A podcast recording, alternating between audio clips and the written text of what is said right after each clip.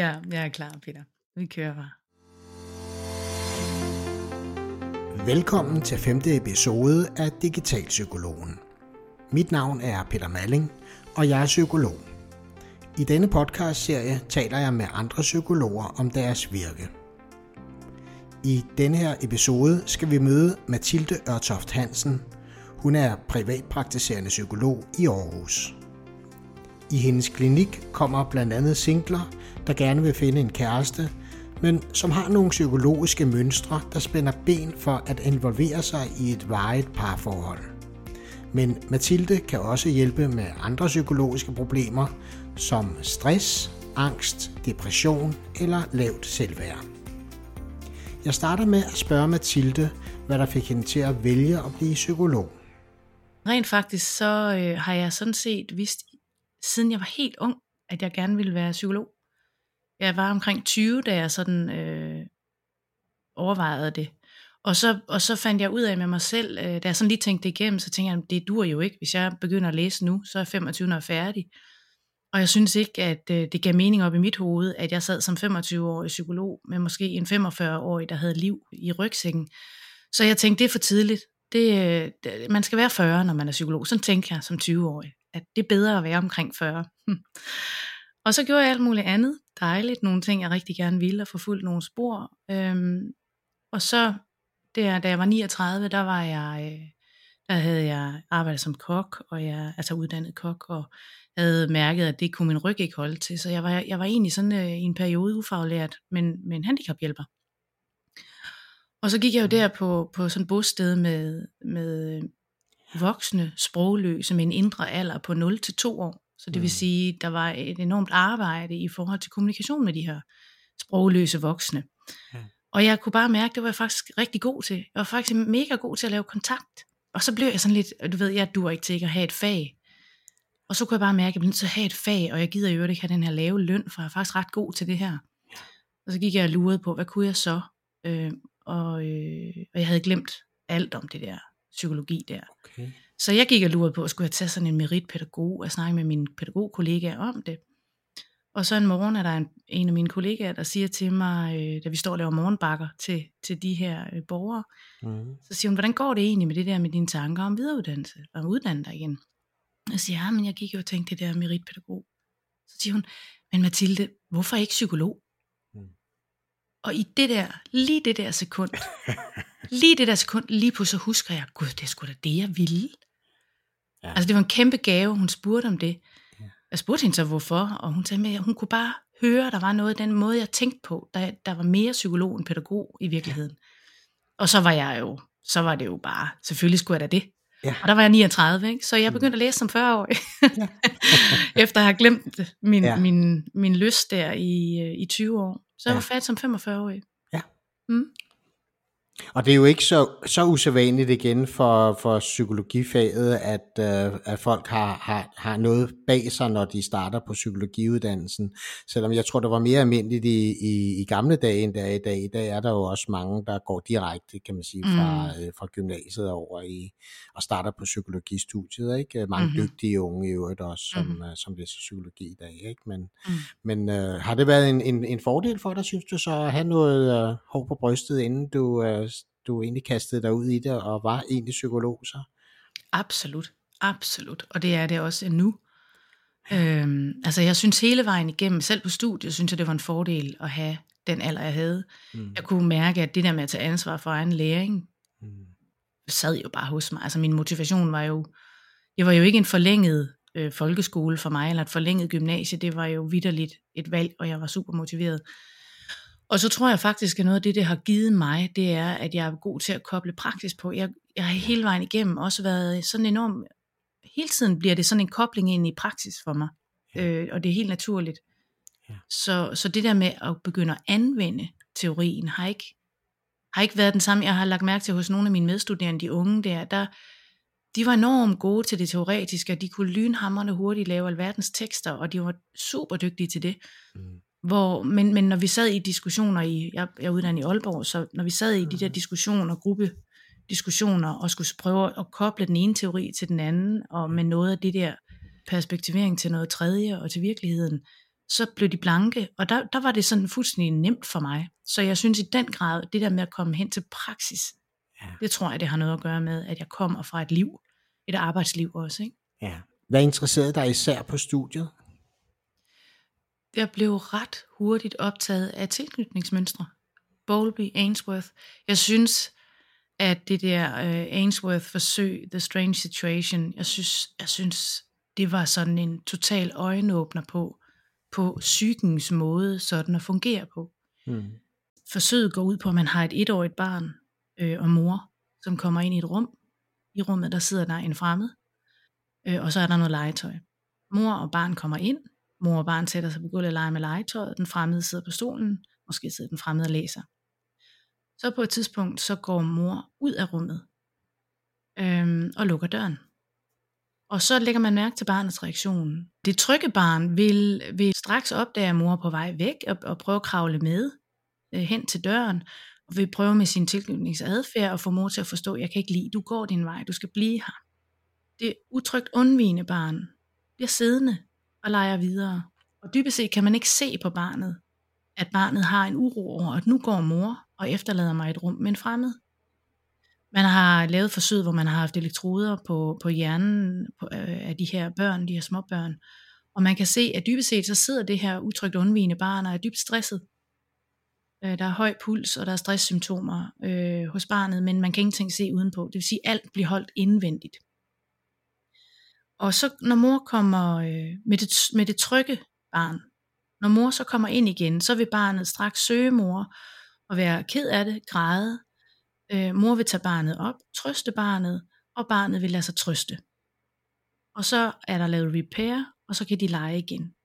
Det utrygge undvigende barn øh, bliver jo siddende der og leger med stressen indeni, uden overhovedet at vise noget som helst. Og når mor kommer ind igen, så bliver det utrygt undvigende barn siddende, viser mm. mor, det har været bange, eller uroligt, eller utrygt. Det bliver bare siddende, men stressen bliver i kroppen længe efter. Okay. Det ambivalente barn, Øh, sidder og leger med mor på gulvet, og mor mm. rejser sig for at gå, og det ambivalente barn vil søge mor, vil begynde at græde og have tilknytningsadfærd for at sige, mor, mor, du må ikke gå. Mor går alligevel, og så bliver det ambivalente barn utrøsteligt ved med at græde, mm. øhm, og prøver måske på at nå håndtaget, eller øh, banker på døren, eller græder højere og højere, og hvis den fremmede forsøger at trøste det ambivalente barn, så kan det ikke trøstes. Mm. Når mor så kommer ind igen, så vil det ambivalente barn jo op til mor, det vil søge op til mor for at blive trøstet. Men så snart mor tager det op, så vil det begynde at måske slå hende, vride sig, vende sig, vende ansigtet væk fra mor. Så det vil vende ansigtet væk fra, fra trøsten, samtidig med at det vil have trøsten. Det vil sige, det vil både trøstes og ikke trøstes. Mm. Øhm, og det bliver svært at trøste det ambivalente barn. Øhm, det tager lang tid at få det ambivalente barn trøstet, i modsætning til det trygge barn. Jeg blev meget optaget af det, og så neuropsykologi. Mm-hmm. Trods min alder, så kunne kognitiv psykologi, det kunne simpelthen ikke, jeg forstod faktisk ikke, hvad jeg skulle bruge det til. Mm. Jeg kan huske, at jeg, at jeg sådan sad og tænkte, hvad skal jeg have alt det der med hukommelse, og det der med opmærksomhed, og jeg synes, perception, hvad skal jeg bruge det til? Mm. Nu, nu forstår jeg, hvorfor, og jeg vil ønske, at jeg kunne tage det fag igen, fordi, øh, fordi jeg forstår virkelig, hvorfor jeg skal bruge det, og der kunne jeg have ønsket mig, at, at vores undervisere, det kan være, at de har forsøgt at fortælle os, hvorfor det var vigtigt, men jeg har i hvert fald ikke kunne høre det selv som 40-årig, vel? Nej, Eller 41-årig, hvad, hvad, hvad jeg var dengang. Nej. Så Men, hvad, var øh, det, hvad var det ved, uh, ved, ved det her tilknytningspsykologi og, og også neuropsykologien, som, øh, som fangede dig? Hvorfor var det, det gav speciel mening for dig? Hvordan var det, det vagte genklang hos dig? Jamen det gjorde det, fordi jeg, jeg dybest set genkendte jo nogle af mine egne reaktionsmønstre i mit eget liv. Øh, blandt andet den der, ja, altså en, en tendens, som jeg har med mig, som jeg har arbejdet rigtig meget med, tendensen til i virkeligheden at, at få, og nu, nu, nu taler jeg måske sådan lidt ud over tilknytningsteorien, mm. men tendensen til i virkeligheden, at der, kommer, der kan komme en angststigning, eller det kunne der i hvert fald engang komme en angststigning i mit nervesystem, når nogen ville for tæt på mig. Hmm. Øh, så begyndte jeg at distancere mig. Øh, jeg var ikke selv klar over det. Men, mm-hmm. øh, men det resulterede jo i, at jeg som ung var skidegod til at blive forelsket. og jeg var også god til, at nogen blev forelsket i mig, men så snart vi begyndte at, du ved, få noget nærhed, Ja. så var der 100.000 grunde til, at jeg var nødt til at stoppe det. Mm. Så der var noget, der var, der var så også sådan en personlig, øhm, der var noget personlig genklang i det der med tilknytningsteorien. Jeg tror faktisk i starten, der var det, der var det mig selv, jeg kunne genkende. Mm. Jeg tror slet ikke, jeg var nået til rigtigt at begynde at se det hos andre. Nej. Det er, så- der er jeg så nu. I meget høj grad, fordi jeg også jo i meget høj grad arbejder med, Ja. med, med de forsvar, vi kan have imod det, som, som kroppen ligesom har en erfaring med, kan opleves som farligt. Hvad skrev du så øh, speciale om? Hvad, hvad er det egentlig, der sker i kroppen, når børn bliver udsat for omsorgssvigt? Om det er globalt, eller øh, fysisk, emotionelt, eller seksuelt øh, overgreb, hvad nu? Men hvad er det egentlig, der sker i kroppen? Hvordan bliver tingene internaliseret? Hvad sker der med nervesystemet? Øhm, ja. Ah, Så det var okay. omsorgssvigt og, og konsekvenserne af omsorgssvigt, vi skrev om. Kan du huske nogle af de vigtigste indsigter fra specialet? Jeg kan huske noget af det, som jeg brugte enormt lang tid på at forstå, det var det, var det med HPA-aksen. Jeg kan huske, at øh, jeg blev overrasket over at finde ud af, hvordan det påvirker nervesystemet, og, og hele sammenhængen til amygdala. Altså hvordan amygdala, sådan, man, jeg plejer at sige til mine klienter faktisk, når jeg snakker med amygdala med dem, så plejer jeg at sige til dem, at, at det er som om amygdala har sådan et fotoalbum. Du ved, han sidder deroppe i sit kontroltårn, ikke? Ja. Og så øh, scanner han hele tiden omgivelserne for mulige farer. Ja. Og så, øh, og når der, og, og når for eksempel, øh, øh, da jeg blev bidt af en cheferhund på et fortog, som jeg tror, jeg må være 3-2. Øh, jeg kan ikke huske det, men jeg har Mm. arret på min hånd stadig. Jeg fik fortællingen som barn, ikke? Ja. Men jeg ved, at nu går jeg som 52-årig på et fortog. Kommer der en stor hund med en ejer, Ja. så, så siger min amygdala, pas på, der er fare på færd. Ah, okay. Du ved så, i mit lille fotoalbum inde i mit hoved, Amygdalas ja. foto, fotoalbum i mit hoved, der er der et billede af en hund, stor Ja. hund på fortov, lige med fare. Du Ja. bliver bidt. Ikke? Ja. Øh, og, og, og den der kobling på, hvordan de episoder, der har fået barnet til at opleve sig i fare. Ja. Det er jo ikke altid, der har været fare på færre, Mm. men det handler om barnets oplevelse. Ja. Det samme gælder afvisninger, ikke? Jo. Bar, hvis barnet har oplevet sig afvist, Ja. så sætter det spor Ja. i vores krop, Ja. i, vores, i, i, i det neuropsykologiske. Ikke? Ja. Og det synes jeg er dybt fascinerende. Okay, så blev du færdig på øh, Universitetet fra Aalborg, og øh, hvordan har din øh, erhvervskarriere så været? Hvad har du, øh, hvor har du været henne som øh, psykolog efterfølgende? Hvis man som psykolog skal ud og have, nu sagde du hår på brystet før, det er jeg ikke så vild med at have. Hvis der skulle komme et enkelt, så plukker jeg det af med en pincet. Men øh, hvis man skal, du ved, have, have, have sine ben solidt plantet og fundet ud af, hvem man egentlig er som psykolog, så er det for mig at se psykiatrien eller PPR. Ikke? Det er et Ja. godt system at komme ind i, Mm. og så kan man begynde at finde ud af, så, hvordan er det så ude i praksis, når man nu kommer med en teoretisk uddannelse. Ikke? Så, så hvis du skulle give et godt råd til, øh, til andre nyuddannede psykologer, hvad ville det så være? Skynd dig at finde en virksomhedspraktik. Mm. Gør det hurtigst muligt. Lad Mm. være med at spilde din tid på at sidde derhjemme og degenerere. Få en virksomhedspraktik. Bliv ved med at søge arbejde. Så kommer det. Så var du i, i PPR, og Jeg startede, jeg, jeg, øh, første job var i Mariager Fjord. mhm. Øh, der kørte jeg halvanden time hver vej. Og Ja. jeg tænker, det i hvert fald, når man bor ved de store byer, så tror jeg, man er nødt til at, at have en villighed til at sige, det kan godt være, at det tager noget tid, øh, før Mm. jeg kan komme til at arbejde i min egen by. Jeg havde sådan en følelse af, at jeg sådan, det var min værnepligt på en eller anden måde. Jeg, jeg aftjente der, ikke? Ja. Og det var enormt hårdt at have tre timers transporttid hver ja. dag, plus en 37 timers stilling og et barn. Men, øh, men det lykkedes. Hvordan arbejder du i dag som øh, psykolog?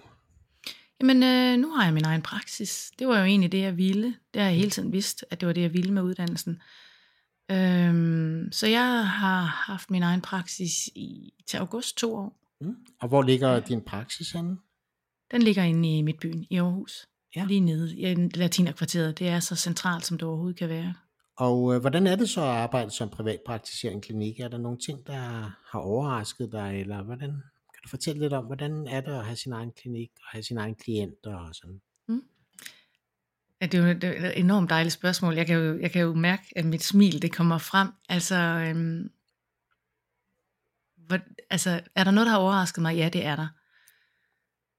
Det har overrasket mig, øh, hvor fedt det er. Jeg er simpelthen så glad for det. Jeg, jeg, øh, jeg synes simpelthen, i virkeligheden har jeg det sådan, det er nok det bedste job, jeg nogensinde har haft. Og jeg har virkelig haft nogle gode jobs. Jeg har virkelig haft nogle jobs, jeg har været glad for. Hvad er det ved det, som gør, at det er så dejligt at arbejde? En ting, jeg må fremhæve, er, at jeg har en enkeltmandsvirksomhed. Øh, det vil sige, der er bare mig. Og, og en ting, jeg er nødt til at fremhæve, det er selvfølgelig min fantastiske chef. Mm. Jeg har jo en helt utrolig... jeg har en helt fantastisk chef. Jeg har også en... en ah, hun er lidt doven, altså nogle gange, så gider hun ikke rigtig bogføre bilag og sådan noget. Det synes jeg faktisk er ret træls, så prøver jeg at skælde hende ud. Men ellers vil jeg sige, min chef, hun er enormt god. Jeg, synes, jeg er lidt utilfreds med julegavernes størrelse mm. stadigvæk, men det er måske, fordi det er en ny klinik, det ved jeg ikke. Nej, altså, jeg, jeg synes, jeg kan virkelig godt lide at være min egen chef. Mm. Det er jeg enormt glad for, og jeg kan mærke det der med at kunne lave mine arbejdsdage, mine arbejdsuger, som det passer mig. Mm. Det er en kæmpe frihed for mig. Øhm, men udover det, sådan rent fagligt, jeg kan huske de første, jamen de første mange, mange uger, når jeg sad der og havde haft en samtale, mm. og så øh, skulle min klient jo betale på mobile pay, så var der sådan modstridende følelser i mig, fordi den ene side af mig, så jeg synes faktisk, det var svært at sige ordet, øh, du ved, sige prisen, ikke? Ja. Øhm, og den anden side af mig fik sådan en wow, tilfredsstillelse over, at jeg fik penge for mit arbejde. Men, men øh, ja, så det var i hvert fald det der med at faktisk name your price, altså name my price. Mm. Sæt pris på sig selv. Ja. Det var det var en udfordring, men det var en vigtig udfordring, tror jeg. Ja. Dybest set handler det vel også om at tage sig selv alvorligt. Altså der er et meget vigtigt signal indad til, i forhold til, at man tager sig selv og sin faglighed, sin viden alvorligt. Ja. Tror du også, det hænger sammen med, øh, med, med, med det område, vi arbejder indenfor? Fordi hvis, hvis man for eksempel er mekaniker og reparerer folks bil, altså, hvor man også tager en pris fra private klienter for, for et stykke arbejde, man laver, at det er sværere, når man øh, arbejder med noget, der er så tæt relateret til folks psyke, som, som vi laver som psykolog. Er der en, en forskel der, tror du? Eller? Gud, hvem det for, altså jeg tror, jeg sidder og tænker, kan jeg vide, om det er det der med, at det i virkeligheden er lidt, altså det er noget luftigt, ikke? Det er, mm. altså det er ret abstrakt. Mm. Den, den ydelse, vi sidder med hver dag, er vældig abstrakt. Mm. Og det er faktisk ikke engang os selv, der kan sige, om vi har leveret i dag. Den eneste, der kan sige, om det var en god session, det er i virkeligheden klienten. Ikke? Ja, så det er ikke målbart på samme måde. Du, hvis, du, hvis du får repareret din bil, så ved du, om den stadig rasler, når du øh, kører derfra. Så kan du ligesom køre tilbage igen og sige, du har ikke lavet det her ordentligt. Men det er ja. lidt sværere til en, en psykolog. Ikke? Men ja, man kan i hvert fald sige, at det tager lidt længere tid om at få den der raslen til at, at holde op. Ikke? Ja, ja. Øhm, fordi det, der kan jo være noget, der rasler, for, fordi det er noget, der er indlært for mange, mange, mange år siden, helt tidligt i opvæksten. Ja. Og også måske det, at vi jo som psykolog ikke kan fikse folks problemer. Altså vi er jo mm-hmm. bare en lille bitte, bitte, bitte del af folks øh, ja. samlede liv, ikke? og vi, vi kan så give øh, en, en, et input, men, øh, men det er jo ikke os, der, der på den måde kan fikse folk på samme måde, som mm-hmm. en, en uh, mekaniker kan fikse en, en bil for eksempel. Ikke? Præcis. Og, og, og til trods for det, så, så er der jo sådan en sprogliggørelse, som, som på en måde taler ind i det, øh, hos klienter, ikke? At, mm. at øh, altså, jeg tror bestemt, at det er noget, vi alle sammen må opleve, det der med, at vi har klienter, der siger, at jeg vil bare gerne have nogle redskaber til. Mm. Men, og, og jeg er klar over, at det ikke altid, de, altså, det er jo bare en sprogliggørelse, vi har, ikke redskaber til, værktøjer til, men, men det bliver sådan en, på en måde en mekaniseret tænkning, mm. netop som om man kan fikse, hvor det er egentlig langt mere komplekst end det. Ja. Mm. Vil du ikke fortælle mig lidt om så øh, nogle konkrete problematikker, dine klienter kunne komme med? Jo, det vil jeg gerne. Øhm, jamen altså, jeg har, øh, jeg har for eksempel en del klienter, jeg har, jeg har klienter med alle mulige problematikker, men jeg har en del klienter, som kommer med, med, øh, med, med det her selvfølgelig dybe, sunde ønske om øh, at have, finde sig en, en kæreste, øh, opleve nærhed øh, og kontakt. Øhm, og så har jeg nogle klienter, som kommer øh, og selv ved, det er som om jeg distancerer mig. Det er som om jeg distancerer mig, lige så snart jeg møder nogen, jeg godt kan lide, så på en eller anden måde trækker jeg mig væk fra dem. Og jeg ved ikke hvorfor, for jeg vil jo egentlig rigtig gerne være tæt på dem, men jeg bliver ved med at enten gøre nogle ting, der gør, at, at jeg holder distance til dem, ellers, øh, ellers ender jeg med at slutte forholdet. Så nogle klienter har jeg. Altså sådan som, jeg, som mit system opererede helt Okay. tilbage, da jeg var ung. Ikke? Jo. Det er nogle af de klienter, jeg har. Jeg har også, øh, jeg har også klienter, der har selvværdsproblemer. Øh, problemer. jeg har klienter med angst, Ja. ja. depression, stress. Øh, så, kommer jeg, så har jeg klienter, der kommer med, med noget, som de ikke rigtig selv ved, hvad er. Og måske er der faktisk, der kommer der nogle traumer op, når vi så du ved, prøver at dykke ned i, så hvad er det, de oplever, og hvad sker der? Hvorfor skal folk gå til psykolog for at, øh, at finde en kæreste? Det ikke at kunne finde en kæreste, skaber stort set for alle mennesker en følelse af ensomhed. Øhm, og, øhm, og på et eller andet tidspunkt, så, så skaber den ensomhed, kan man sige, lidelse nok til, at, øh, at klienter siger, nu må jeg have noget hjælp, for jeg ved ikke, hvad jeg skal gøre. Og, og det er selvfølgelig forskelligt, hvad det er, der, der er på spil, men man kan sige, nu startede vi jo med, med, med det, at snakke om den der interesse, jeg har øh, ja. i forhold til tilknytningsteori og kærlighedsmønstre i det hele taget. Mm. Øh, ja, ligesom jeg nørder i, i rigtig meget andet, men jeg, Mm.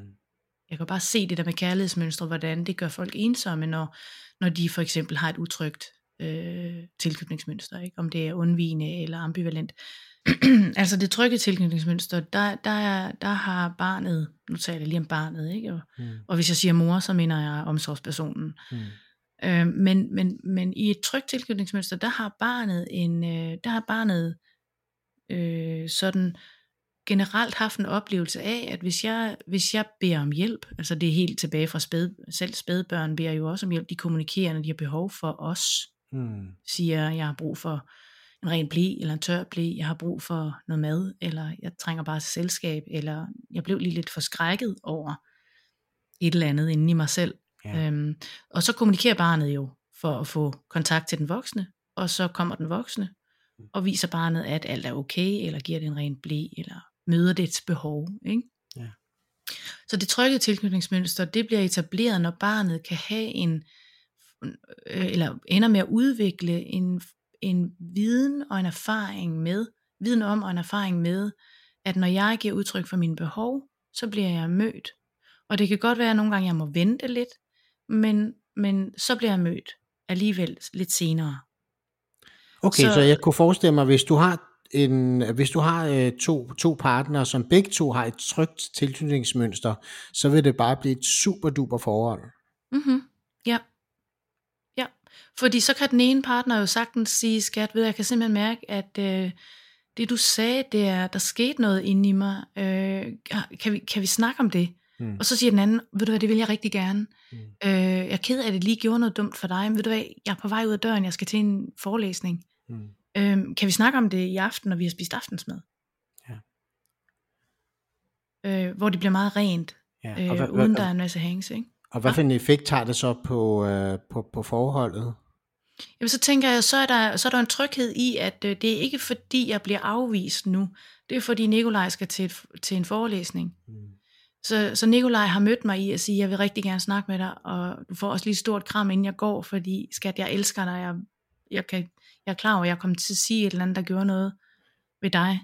Ja. Ja. Og jeg glæder mig rigtig meget til at komme hjem, så vi kan få snakket om det. Ja, Så det, det skaber jo en tryghed i, i, i, i den forstand, at, at man ikke bliver ladt alene Ja. med, med nogle gange de følelser, eller som men også det kaos, det, Mm. kan, det kan give inden i øh, at være i et forhold. Ja. Er det så sådan, så at man egentlig kan komme tilbage til et trygt tilknytningsmønster, eller få et mere trygt tilknytningsmønster, hvis man øh, går i terapi hos dig? Man kan sige, at den, den indlæring, vi har haft tidligt i livet, den bliver jo internaliseret. Øhm, øh, fordi at den tidlige indlæring, altså man ved, at vores tilknytningsmønstre, de er dannet allerede, når vi er et år gamle. Hmm. Det vil sige, de bliver etableret, mens vi er før sprog, og alt, hvad der bliver etableret før sprogligt, det ender med at blive ubevidst hos Ja, os. ja. Så, så, så vi arbejder med nogle ubevidste mønstre, indtil man i terapien kan begynde at opdage dem sammen, og dermed gøre dem bevidste. Mm-hmm. Men det at blive bevidst om sit tilknytningsmønster er ikke desværre ikke nok til Mm. at øh, ændre det. Øh, fordi det opererer stadigvæk sådan, øh, kan man sige, indefra. Mm. Så Og det er noget, der tager tid. Altså, øh, desværre er der ikke rigtig noget quick fix. Jeg ville simpelthen sådan ønske det, fordi jeg ser meget lidelse, Mm. og meget ensomhed, meget sorg Ja. øh, på den bekostning. Men, men det er muligt, men jeg tænker, det er ikke så meget i terapien. Vi kan jo starte i terapien. Ja. Som du sagde, vi kan ikke fikse folk. Mm. Folk ser også 50 minutter, enten en gang om ugen, eller hver Mm. 14. dag, nogle gange hver tredje uge. Ja. Men i, det er klart, at relationen til terapeuten er jo også en relation. Mm. Og i relationen til terapeuten, i min klinik, i min praksis, ser jeg jo, at, at mange af de klienter, jeg har, som, som har et utrygt undvigende tilknytningsmønster, øh, de forsøger jo dybest set også at undgå, uden at ville det, så forsøger de at undgå nærhed med mig. Mm. Så forsøger de at undgå en nær relation til mig. Ja. Så, så når vi så arbejder ligesom i rummet, i det terapeutiske rum, altså så vi ikke kun sidder og taler om livet uden for rummet, Ja. men når jeg lægger mærke til i terapien, i, det, i et øjeblik, at klienten for eksempel begynder at kigge ud af vinduet, eller sidde og kigge på sit vandglas, eller billedet om bag ved mig, i stedet for at have kontakt med mig, Ja. mens der egentlig kommer nogle følelser op, som er svære for klienten, ja. så gør jeg klienten opmærksom på det. Så siger jeg, lægger du mærke til lige nu her, når du sidder og fortæller om, om, om når jeg spørger dig om dine følelser i forhold til din far, lægger du mærke til, at du begynder at kigge ud af vinduet nu? Okay. Og så siger klienten, øh, nej, det lader jeg ikke mærke til, men nu du siger det, jo, jeg kan godt se, at jeg gjorde det. Ja. Og, og så siger jeg, hvorfor tror du, du gjorde det? Mm. Og så siger øh, det ved jeg ikke. Det var lidt ubehageligt at snakke om. Okay, så prøver vi at se, om vi sammen kan blive nysgerrige på. Så gå ved, om der er en sammenhæng mellem, at når, der, når det, noget bliver ubehageligt for dig at snakke om, mm. så trækker du dig i kontakten til mig. Ah, ja. Øh, og, og, og jo, du ved, hvis, det jeg oplever i, i min praksis, det er, i mine samtaler, det er, at, at når, når jeg så gør opmærksom på, hver gang klienten begynder at kigge, trække sig fra mig, Ja. og vi kobler det til, hvad skete der lige der, hvor du trak dig fra mig, så begynder vi at se, når det kan også være, når der er nogle følelser, der kommer op i dig, Ja. her i rummet, hvor jeg sidder lige over for dig, eller her, hvor jeg har stillet det spørgsmål, som får følelserne til at komme op i dig, så Mm. trækker du dig fra mig, som om dine følelser, du ved, som om du ikke, øh, at det på en måde ikke er godt for dig at være sammen med mig om dine følelser. Okay, så det vil sige, at, man, at det du kan hjælpe med, øh, det er at øh, bevidstgøre nogle sådan automat øh, Mhm. mm-hmm. responser, kan man næsten sige. Mhm. Altså det, der er blevet internaliseret og automatiseret hos folk, det kan du øh, gøre bevidst ved at øh, pointere det, når I sidder i, øh, i relationen. Mm-hmm. Og, og, og, og, og bevidstheden er jo, kan man sige, første skridt, ikke? Mm. Bevidstheden er første skridt, og bevidstheden kommer til at ske i rummet. Og, og sådan på den lidt længere bane, når klienten efterhånden er blevet bevidst om, gud ja, det er rigtigt, det sker faktisk hver gang her i terapien. Mm. Og jeg har faktisk også lagt mærke til, jeg kan jo godt, jeg, jeg spørger jo så også, så ken, du ved, kender du det? Mm. Kender du det der, har ud fra dit liv også? Og så siger de ja, det sker faktisk, når jeg snakker med mine, øh, mine veninder. Ja. Så begynder jeg tit sådan at afrunde hurtigt, eller gøre det lige færdigt, og, og, og jeg, jeg kigger dem ikke i øjnene, når jeg sidder og fortæller om, om, om noget, jeg for eksempel er ked af. Mm, ja. Og så kan vi blive nysgerrige på, om så er det et problem for dig, at, mm-hmm. at du trækker dig, så snart der kommer noget følelsesmæssigt kraftigt eller vigtigt op i dig. Ja. Og så kan de jo opdage, øh, at ja, det er det faktisk, fordi på en måde så får jeg jo aldrig rigtig fortalt om mine ting, fordi jeg skynder mig at stille spørgsmål, du ved, der handler om dem i stedet for. Mm. Men så når jeg går hjem, så kan jeg bare mærke, at jeg tit sådan føler mig lidt ensom. Okay, Ja. så det er et problem for dig, at du trækker dig Ja. fra andre mennesker. Ja. Så du ligesom bliver alene med dine følelser. Ja, så, så de bliver bevidste om, hvad det egentlig er, der, der foregår, også Ja, uden for og når- når- rummet, ikke? Præcis, og når vi så først kender problemet, når vi først ved, okay, så det her det er faktisk et problem, så begynder vi at koble det til det der, de kom med, nemlig, at jeg kan ikke få en kæreste. Så, siger, så tror du, det har noget, hvordan, hvad tænker du om det der i forhold til det der med at få en kæreste? Mm. Mm. Tror du, det kan være noget af det, der sker? Ja. Så begynder de at opdage, ja, det er da rigtigt, det er faktisk, det er faktisk noget af det, der sker, det er, at jeg trækker mig. Så, så hvad sker der så med dine muligheder for at få en kæreste, når du trækker dig? Ja. Jamen, det er jo ikke så godt. Okay, så du ved, så vi når længere og længere ind til at opdage, at det her, det er faktisk rigtig bøvlet. Ja. Og så kan vi begynde at sige, så skal vi prøve at gøre noget ved det. Skal vi prøve at se, om vi kan hjælpe dig med det? Altså kan man internalisere nye øh, reaktionsmønstre, øh, hvis, hvis man tidligere for eksempel har, har undvidet kontakt, eller har har begrænset, hvor lang tid man, man, man, man holdt Mm. kontakten. Kan Mm. man så igennem terapien øh, ændre på det? Ja. Eller ligger det så dybt, så man faktisk ikke rigtig kan ændre ved noget? Jeg tænker, at min erfaring er, at man kan godt ændre på det. Mm. Den dårlige nyhed er, at det tager lang tid. Mm. Den gode nyhed er, det kan lade sig gøre. Mm. Og noget af, det, noget af den forandring, der sker, den sker, fordi klienten efterhånden i terapien begynder, og, og det er jo det er der, hvor processen kan være vældig langsom. Nogle gange er den ikke helt så langsom, men ofte tager det tid, hvor klienten efterhånden begynder, og man kan sige det, er, som om deres kroppe er bange for, nu siger jeg kroppe, men jeg mener egentlig nervesystemet, ikke? Ja. Det er som om, der er en erfaring med, hvis jeg deler mit indre liv, mine tanker, mine følelser ærligt og Ja. åbent, så bliver det farligt for mig. Ja. Så kommer der angststigninger i nervesystemet, og så får det folk til at, du ved, så får det klienten til at trække sig. Ja. Men i, i, i terapien arbejder vi jo løbende hele tiden på, at klienten efterhånden, jeg tjekker selvfølgelig, om de, om de ønsker at gøre det her. Ikke? Vi skal ikke gøre noget, de ikke vil, vil i terapien. Men hvis de ønsker at, at, at lade mig lære dem at kende, Ja. øh, så, så når, de der, når de der forsvarer kommer ind, som egentlig, du ved, får dem til at kigge ud af vinduet, eller kigge ned, eller begynde at skifte emne, snakke om noget andet, eller hvad, hvad der nu kan være, at de, der er rigtig mange forskellige forsvar, øh, som, som det emotionelle system bruger, Ja. så, øh, så begynder vi lige så stille at komme derhen, hvor de begynder at vise mig deres følelser, hvor Ja. følelserne får lov til at få plads. Så kommer sorgen, Ja. og det kan godt være, at sorgen kommer sådan relativt kort lige de første mange gange, fordi så lukker systemet ned igen, fordi det har tidligere været farligt, ja. hvis jeg viste mine følelser åbent og ærligt. Ja. Ja. Men du ved, efterhånden som klientens system begynder at erfare sammen med mig, Mm.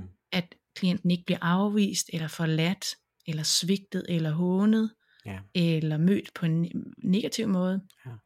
så begynder klientens system lige så stille, og det, man kan tale om, nu er jeg jo psykoanalytisk, psykodynamisk ja. Ja. i min tilgang, så man kan tale om, at det sunde ego Mm. begynder at få mere og mere øh, plads.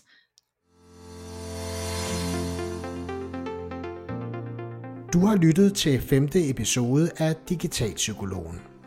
Mit navn er Peter Malling, og jeg er privatpraktiserende psykolog.